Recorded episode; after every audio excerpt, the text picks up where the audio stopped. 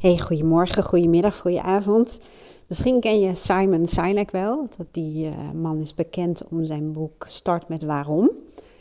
Of The Why, hè, als je het naar het Engels uh, vertaalt. En vooral in mijn zakelijke trajecten bij ondernemers of startende ondernemers, en ik coach ook veel startende coaches, hebben we het ook over wat is je why? En ik heb ook op mijn vision board een tekst staan: um, Remember why you started. En dat helpt me eigenlijk altijd weer om, uh, ja, het klinkt een beetje vaag hoor, maar te verbinden met mijn waarom. En door dat te doen, dus vanuit je why en je waarde en je missie te leven en te werken, voel je ook het meeste geluk en voldoening. En um, dat drijft je ook vaak om stappen te zetten die soms misschien spannend zijn of veel werk zijn. Um, maar het drijft je. Het drijfveren noemen ze het ook wel. Uh, en dat klopt ook echt. En vandaag kreeg ik uh, feedback van een uh, klant van mij, die me weer helemaal liet voelen. Al, dat is ook grappig, vertel ik zo meteen wel iets over. Al blokkeerde ik een beetje. Heb ik als klein meisje vond ik het bijvoorbeeld al heel erg lastig, blijkbaar als ik jarig was, om cadeautjes te krijgen. En ik hoorde dat ook een andere klant een keer vertellen. Maar ik voelde me daar heel ongemakkelijk bij. En mijn vader net zo, want het enthousiasme en, hè, dat wat hij wilde meegeven, hoe ik reageerde op, op het krijgen van cadeautjes, dat was echt heel mager. Gewoon simpelweg omdat ik het toen heel lastig vond. En blijkbaar is dat nog steeds iets uh, um, wat in mij leeft. Dat is gewoon een deel van mij die het lastig vond dat die aandacht naar mij toe ging. En ja, maar goed, daar vertel ik zo meteen nog wel even iets over. Maar in elk geval, zij um, liet mij eigenlijk weer heel erg zien wat mijn why is. Waarom ik doe wat ik doe.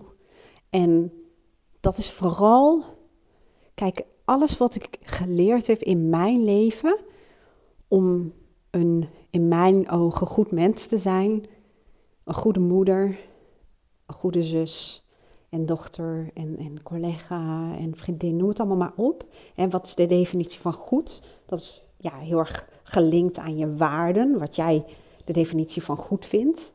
Dat kan zijn bijvoorbeeld eerlijk en integer, behulpzaam, uh, ja, opbeurend, noem het allemaal maar op. Maar alles wat mij heeft geholpen om dat te worden wie ik ben en ook wilde zijn en om te dealen met moeilijke dingen in mijn leven, tegenslagen, um, ja, moeilijke leermeesters, um, maar ook methodes die me hebben geholpen om een beeld te krijgen, een, een, een visie van ja, hoe ik wilde leven, wat belangrijk was, hoe ik ook um, in staat ben gebleken om mijn innerlijke pleaser van mijn stuur weg te halen en meer te gaan leven conform mijn eigen waarden, volgens de gezonde egoïst. Um, ja, om makkelijker nee te kunnen zeggen en ja te kunnen zeggen voor de dingen die wel belangrijk voor me zijn. Om ja, kortom het leven bewust te gaan leven. En, en dat is niet zomaar gegaan. Dat is absoluut niet zomaar gegaan. Dat, dat, de weg lag vol met obstakels en, en, en bergen en, en moeilijkheden. En ja, als ik kijk waar ik vandaan kom, dan ja, dan is dat toch wel een heel groot contrast met waar ik nu ben. En dat is niet om zielig te doen of wat dan ook, maar wel om aan te geven dat kennis, methodes ja, en tools, hoe je het ook eigenlijk wil noemen. Ik heb ongelooflijk veel zelfstudie gedaan, ik heb ongelooflijk veel boeken gehaald. toen waren het vooral boeken, later werden het ook online programma's, um, trainingen, noem het allemaal maar op. Maar dat alles wat mij geholpen heeft om uh, mijn leven vorm te geven op een manier die mij gelukkig maakt en waarin ik dus in mijn ogen een goed mens ben voor de mensen waar ik van hou en, en de mensen waar ik graag mee omga. Al die tools en die kennis en ervaring, die hebben daaraan bijgedragen. En het is dus ook niet mijn missie om mensen te helpen, door ze te coachen, maar met name om ze ook die tools en methodes te leren en manieren om om te gaan met ja, uh, dingen die lastig uh, zijn, om meer voor jezelf te kiezen en ook te weten wat het dan is. Dat wil ik doorgeven, dat wil ik mensen leren. En destijds heb ik ook gevoeld wat dat inhoudt en dat het bereik, de impact die je daarmee uh, hebt. En in mijn beleving ja, word je ook uitgerust met bepaalde ja, persoonlijke eigenschappen, met talenten, kwaliteiten, noem het allemaal maar op, om te kunnen doen. Ja, klinkt nu wel heel erg spiritueel, maar wat je hier op aarde komt doen. En um, ja, door, door me een voorstelling van te maken, wat mijn impact dan zou zijn. Ik voelde toen al dat die veel verder ging dan alleen maar de klant die bij mij in mijn praktijk kwam. Dat het impact heeft op een relatie als iemand die heeft, op ehm, het, werk. Hè, als iemand um, werk heeft bijvoorbeeld, dan, dan gaan daar ook veranderingen in plaatsvinden. Maar ook ja, in een gezin. Je ziet vaak dat de dingen die ik mensen meegeef en leer, ik leer het ze zo dat ze het kunnen en dat ze het snappen en dat het gewoon ja, helemaal verankerd raakt. En daardoor merk je dus ook dat ze het gaan doorgeven. Of dat nou in het gezin is, of in de familie, of in de vriendenkring, of op het werk. Dat zie je gewoon. En ik heb ook wel eens gehad dat ik dus ook mailtjes krijg van mensen om een klant heen en bedankjes, wat heel gaaf is en leuk. En deze klant zei dat ze tijdens een oudjaarsritueel samen met haar vriendinnen uh, heeft ja, bekeken van waar zijn we nou dankbaar voor. En um, toen zeiden ze, twee vriendinnen van haar, we zijn dankbaar voor de coach van Hubbel de Pup. Ik zeg even niet de naam. En dan denk ik, wauw. Dat is toch magisch, dat de dingen die mij helpen, mijn dochter, mijn stiefzoon, mijn vriend, eh, alle klanten die ik heb gecoacht, de collega's waar ik dingen aan heb geleerd, de, de mensen die in mijn leven zijn gekomen, die ik iets heb kunnen meegeven. En soms is het één zinnetje of een andere manier om naar iets te kijken. Soms kun je al met, met één zinnetje iemands leven veranderen. En dat klinkt heel heftig en heel groot. Maar um, ja, soms zijn de kleine dingen ook juist heel erg groot. Door een verhaal wat iemand zich al een heel leven lang vertelt, door daar zo een andere manier naar te kijken, dan, dan kan ook alles veranderen. Want dan ga je ook over jezelf anders denken en voelen. En vanaf dat punt ook heel anders naar toekomstige situaties kijken. En dat is mijn drive. Hè? Dat is mijn missie, mijn why, om het zo te zeggen. En ik zeg ook vaak, als je je waarom vindt, want heel veel mensen zijn heel druk met wat en hoe. En um, Simon heeft Simon net even een andere volger dan ik. Toevallig um, werkte ik ook altijd al met het principe van er zijn altijd drie stations. En als je te vroeg in het laatste station zit of in het tweede station van de drie, dan um, stagneer je vaak. Dan zie je meer beren op de weg en ja, wordt het soms overweldigend. En wat ik daarmee bedoel, ik zeg altijd, ik start um, ook met het waarom. Um, alleen de vervolgstap is voor mij het wat en dan het hoe. En Simon doet het volgens mij net andersom. Maar voor mij is als je je waarom weet, dan zie je ook dat het een behoorlijk duurzaam iets is. Iets wat ja, soms al als klein kind, in mijn geval zeker wel, al aanwezig was. Um, ja, en als je een beetje spiritueel naar kijkt, kun je zeggen dat het leven je ook daarvoor heeft getraind. Het is een manier om ergens naar te kijken. Ik denk ook dat de moeilijkheden in mijn jeugd en, en in mijn jonge volwassenheid, die me hoop geleerd. Um, niet alleen theorie, maar ook om dingen in de praktijk te brengen, om het zo te zeggen. Um, en natuurlijk zou ik dingen heel anders hebben gedaan als ik de wijsheid toen had die ik nu heb. Maar dat, even, dat is even terzijde. Um, maar mijn waarom was vroeg al wel bekend. Dat, dat, en bij heel veel mensen zie ik dat wel. Maar als je je waarom helder hebt, wat je dan gaat merken in de praktijk, dat het wat, ik noem dat altijd de verschillende verschijningsvormen, die veranderen gedurende je leven. Dat kan bijvoorbeeld zijn, kijk, mijn missie, um, die heeft zich op verschillende manieren als het ware kenbaar gemaakt. En uh, dan kun je zeggen, ja, maar ik ben systeembeheerder geweest en ik heb websites gebouwd een heel technische kant. En dan denk je, ja, in godsnaam, wat heeft dat dan met die missie te maken? Nou, toen maakte ik dingen al simpel. En um, nou, ik kon redelijk Jip en Janneke dingen uitleggen. Uh, systemen in computers zijn heel erg logisch. En het brein is ook heel logisch. Hè? Dus ik zie heel duidelijk overeenkomsten tussen het werk wat ik toen deed en het werk wat ik nu doe. Als je kijkt naar het brein. Hè? Ehm, en dat gaat ook over programmeren, dat gaat ook over logica, dat gaat ook over errors en, en, en uh, oorzaak, gevolg, noem het allemaal maar op. Maar ook um, schrijven en mijn tijd als, als manager. Um, ja, het kwam in allerlei vormen eruit. Vooral ik heb een tijdje geschreven voor allerlei uh, websites op het gebied van persoonlijke groei en ontwikkeling en gezondheid.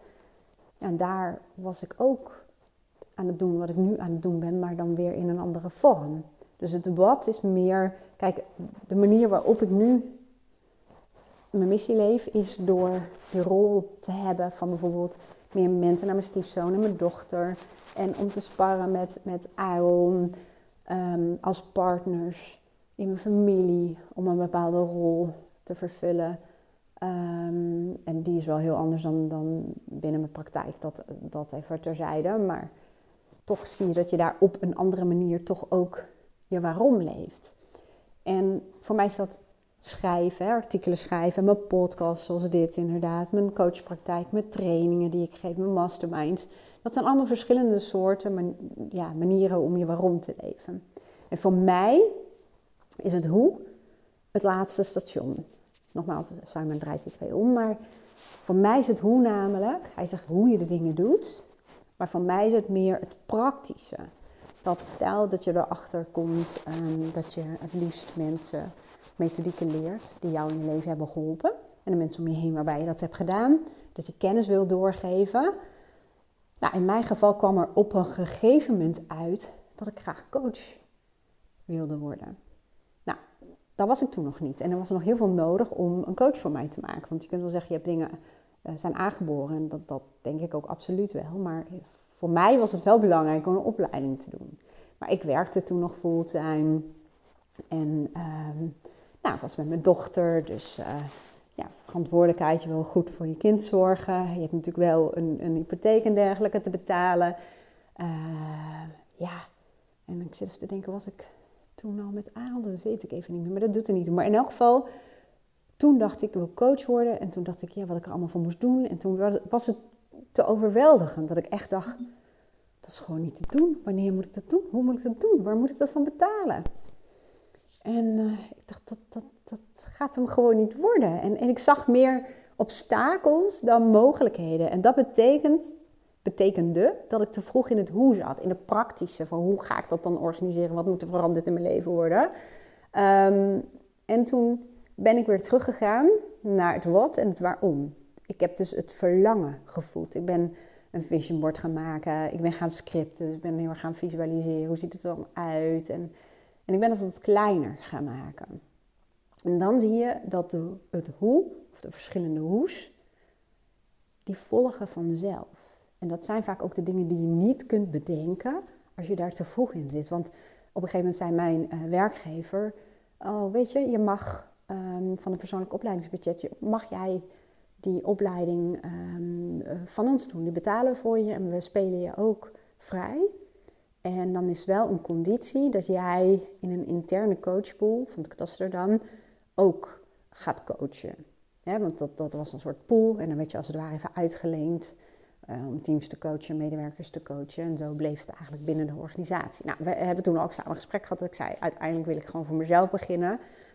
En uh, nou, dat was prima, dat was allemaal helder. Maar ik ben dus vrijgespeeld, ik heb die opleiding uh, kunnen doen.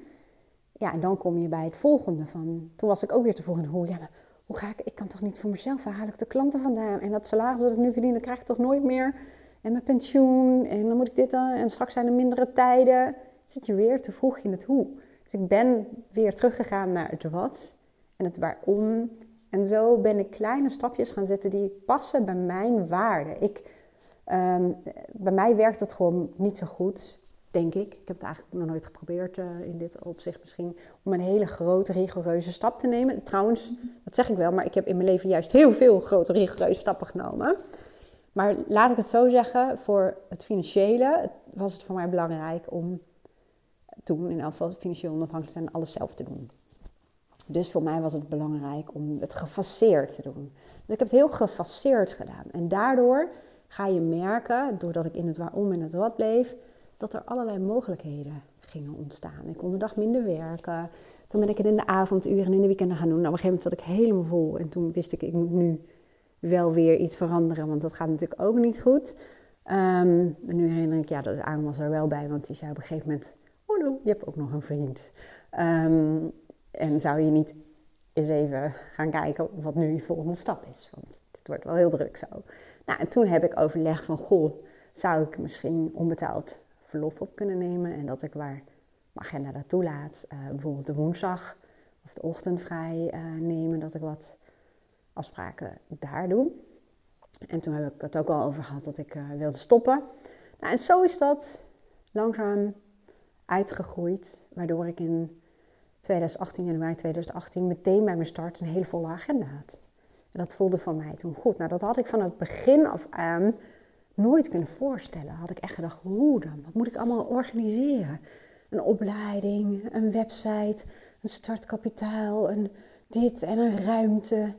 En ik heb het laten ontstaan. In de eerste fase ging ik naar mensen thuis. En op een gegeven moment kon dat niet meer. Dat kostte te veel tijd. En toen dacht ik, ja, weet je, ik ga gewoon aan de keukentafel ehm, dat doen. Ja, dat ging ook. En uiteindelijk heb ik natuurlijk een aparte praktijk en een kantoor voor mezelf. Maar dat is ontstaan omdat ik door bleef gaan. En op het moment dat het stagneerde en ik merkte dat, het, um, dat ik te veel in mijn hoofd terecht kwam in, in de belemmering en de beren op de weg, ging ik weer terug naar het wat en het waarom. Ik ging visualiseren, ik ging een vision board uh, maken, ik bleef daarmee bezig. Ik werkte toen ook met de wet van aantrekkingskracht al. En dat betekent eigenlijk vooral dat je een voorstelling maakt van wat je graag zou willen. En dat je het hoe nog even daar laat waar, waar het hoort. Um, dat je vragen formuleert voor de dingen waar je nog geen antwoord op hebt. Dat je erop vertrouwt dat die antwoorden wel um, komen. En dat oplossingen zich ook altijd zullen aandienen. En dat werkte. Nou, wat ik hier eigenlijk mee wil zeggen, waarom ben ik dit op gaan nemen? Waarom, waarom? Nou, om het waarom. Dat het voor de meeste mensen, ik zal nooit zeggen dat het voor iedereen geldt, maar laten we het in ieder geval zeggen, voor de klanten die ik coach, is het stuk voor stuk belangrijk dat je leeft vanuit je waarden en je missie. En dat je dan ziet, dan word je bijna gedreven. Dan, dan werk je drijfveren, dan voel je je ook gelukkig. En dan gaan heel veel dingen moeiteloos. En dat wil dus niet zeggen dat je niet hard moet werken. Want ook ten aanzien van de wet van aantrekkingskracht. Ja, ik ben niet zo fan, eerlijk gezegd, van het boek The Secret. Ik heb hem halverwege, heb ik hem gewoon dicht gedaan. En ik dacht, nee. Voor mij geldt dat de wet van aantrekkingskracht is niet de een of andere toverstokje. Van je gaat op de bank zitten en je gaat denken aan wat je wil en dan komt het. Ja, in mijn ogen werkt dat dan niet zo. In mijn ogen werkt het meer van um, de wet van aantrekkingskracht stelt. Het gelijke trekt het gelijk aan. Waarbij de basis is dat je helder moet krijgen wat je dan wel wilt. Omdat je mindset, je focus wordt dan ook verlegd naar wat je wil vermijden. En wat je niet meer wilt in je leven, naar wat je wel wilt. dan krijg je ook een andere mindset, een andere focus voor de mensen en de kansen en de mogelijkheden en de situaties die daaraan bij kunnen dragen. Je gaat anders kijken. Dus dat is voor mij de basis van de wet van aantrekkingskracht. En waarom heb ik het veel vaak over de wet van aantrekkingskracht? Omdat ik op een gegeven moment op een punt kwam waarop ik dacht: ik kan niet alles met mijn hoofd. Dat was toen wel heel erg mijn standaard. Het hoofd, redeneren, denken, feitelijk. En ik merkte dat mijn gevoel als een restje erachteraan bungelde.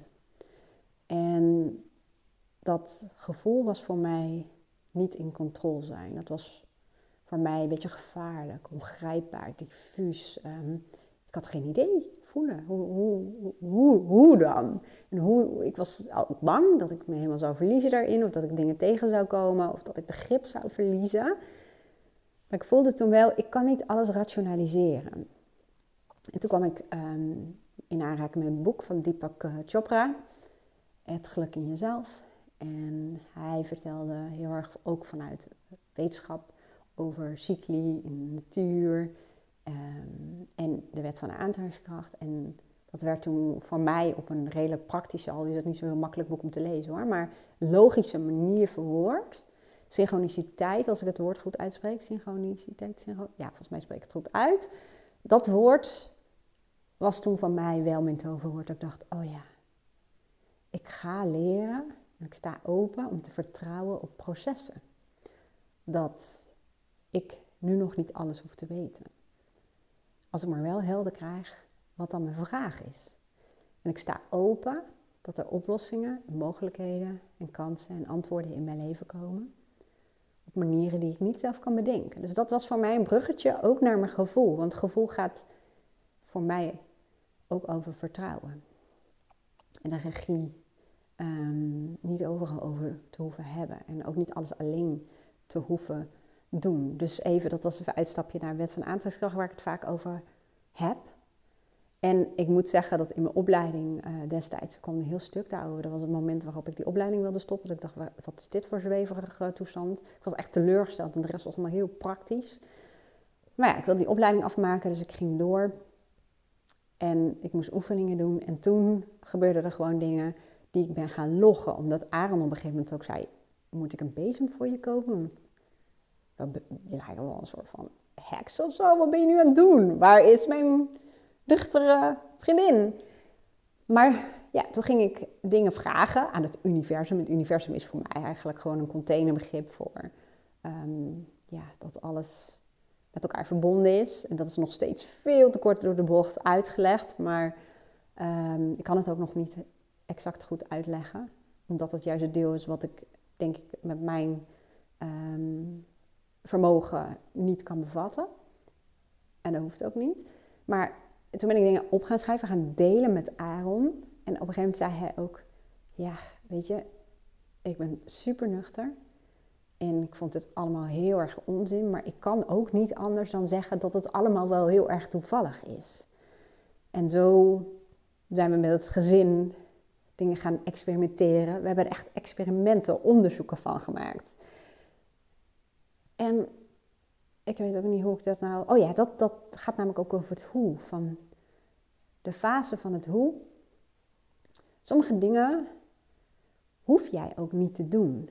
Net als dat je een uh, zaadjes plant van, laten we zeggen, komkommers of tomaten. Laten we het maar op tomaten houden. Kijk, het zaadje planten en zo, dat doe jij allemaal. En, en, en de juiste aarde en het water geven en zorg dat het zon krijgt. Maar hoe dat zaadje ehm, uitgroeit tot een, is het een struik? Heet het een tomatenstruik? Hoe heet het eigenlijk? Het is een soort tak, hè? Maar dat is niet aan jou. Dat hoef jij niet te bedenken je niet organiseren. Jij doet jouw deel en de rest lost de natuur op. Dus dat, die overgang van Deepak Chopra van natuurcycli en natuur, universele natuurwetten, dat, dat heeft het voor mij logisch gemaakt. En nu zijn er heel veel dingen die ik niet snap. Heel eerlijk, als je mij gaat vragen hoe werkt uh, telefonie exact, dan, dan kan ik dat ook niet in detail uitleggen, maar ik maak er natuurlijk wel gebruik van. Ehm, maar ik zou het niet zelf kunnen maken of kunnen veroorzaken, laat ik het zo zeggen. Um, en voor mij geeft dus de wet van aantrekking juist de ruimte om meer te vertrouwen, om meer... Ja, ik heb ooit eens een zin gelezen van ehm, geloven is vertrouwen dat iets gaat komen wat je nog niet kunt zien. En diegene zei het veel mooier dan ik het nu zeg trouwens hoor. Maar, maar de essentie is denk ik wel helder. Dus, en dat zorgt er ook voor dat je het hoe ook even laat rijpen, laat processen.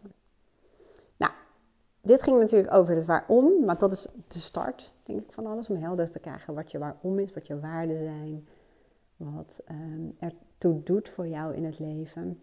Wat de reden is waarom je bepaalde kwaliteiten, voorkeuren en verlangens hebt meegekregen, ga er maar vanuit dat dat niet voor niets is. En je merkt ook het verschil tussen mensen die um, bijvoorbeeld werk doen wat ze goed kunnen op basis van hun vaardigheden, dingen die ze bijvoorbeeld aangeleerd hebben of die ze geleerd hebben door bijvoorbeeld een bepaalde jeugd. Ehm, die zijn vaak minder gelukkig en halen minder voldoening uit het werk dan mensen die echt iets doen waar ze heel goed in zijn, maar dat ook heel erg leuk vinden op basis van hun kwaliteit. En dan denk je, wat is het verschil dan tussen vaardigheden en kwaliteiten? Um, het heeft natuurlijk heel duidelijk een, een overlap. Hè. Vaardigheden zitten ook meer in trainen en herhalen. En kwaliteit is ook iets wat je, wat je uh, kunt gaan uh, ontwikkelen, laten we het zo zeggen. Maar toch is er wel een verschil tussen als het ware een kernkwaliteit en een ontwikkelde vaardigheid. Ik kan, als, ik, als dat moet, kan ik enorm goed organiseren. Maar het kost me heel veel energie, hoofdpijn. Um, omdat het niet mijn kernkwaliteit is, niet mijn uh, talent. Ik heb het moeten leren, om het zo te zeggen. Maar mij schiet mij maar lek. Ik, dat is echt een enorme energielek. En toch heb ik eh, het een tijd in mijn werk als uh, grote rol gehad. En dat veroorzaakte heel veel stress. Terwijl als er bijvoorbeeld um, shit was in een team, uh, of, of, teams um, konden totaal niet met elkaar samenwerken, of er was, er was geen team, of er was geen focus, geen richting, geen duidelijke doelen, uh, of systemen waren kapot, of er was een crisis, dan stond ik op en dan vloog ik. Ik ben ook niet het type, ook qua managementfunctie, die de winkel draaiende wil houden. Ik heb liever een winkel um, die ik op ga zetten of iets wat echt totaal niet werkt. Uh, dat, om dat weer goed te laten lopen. En daarna is mijn aandacht en mijn interesse ook verdwenen. Dus dat is gewoon het verschil. Van stel dat je mij in een leidinggevende functie zou zetten waar alles al draait en ik hoef alleen maar ja, de boel draaiende te houden. Ja, dat is geen energiebron van mij. En dat wil niet zeggen dat ik het niet zou kunnen. Maar dat is ook het verschil tussen kunnen en echt bevlogen zijn. Nou, het toch nog een eh, podcast van 27 minuten, zie ik. Nou, ik hoop ook dat je er wat aan had. En als je zegt, ik wil bij mezelf ook mijn why achterhalen, dan um, zou ik je van harte aanraden om je waarden te gaan onderzoeken. En niet te zorgen dat alleen maar lijstje, maar ook wat zijn dat dan echt? En wat is dan het verschil tussen um, dingen die je hebt meegekregen en wat echt bij jou hoort? En wat past daar dan bijvoorbeeld uh, bij? Um, ja, dat zou ik doen. Internet zijn testjes om te doen. Ik, hou, ik heb bijvoorbeeld een online uh, programma waarbij je echt ja, letterlijk de diepte in gaat om erachter te komen en ook echt je leven en je werk zo te gaan organiseren. Maar ook in het dagelijks leven te kunnen um, leven en werken conform die waarden. En een kortere cursus voor de mensen die ja, uh, de waarde willen achterhalen, maar die hele diepgang van hoe werkt dat in relaties? Um, hoe ga je dan om met conflicten tussen mensen die andere normen en waarden hebben? Daar heb ik de cursus voor gemaakt. Daar zit dat wel in hoor, maar niet zo uitgebreid als programma. Dus als je iemand bent die houdt van zelfstudie en dingen doen, um, dan zet ik wel even de linkjes hieronder. Je kunt het ook in een persoonlijke coachsessie achterhalen. Um, en in dat geval zoek een coach waar je een klik mee voelt. En ik ga er even vanuit dat bijna elke coach wel uh, werkt met waarden, afhankelijk van wat de expertise natuurlijk uh, is. Maar dat is in mijn ogen wel de basis.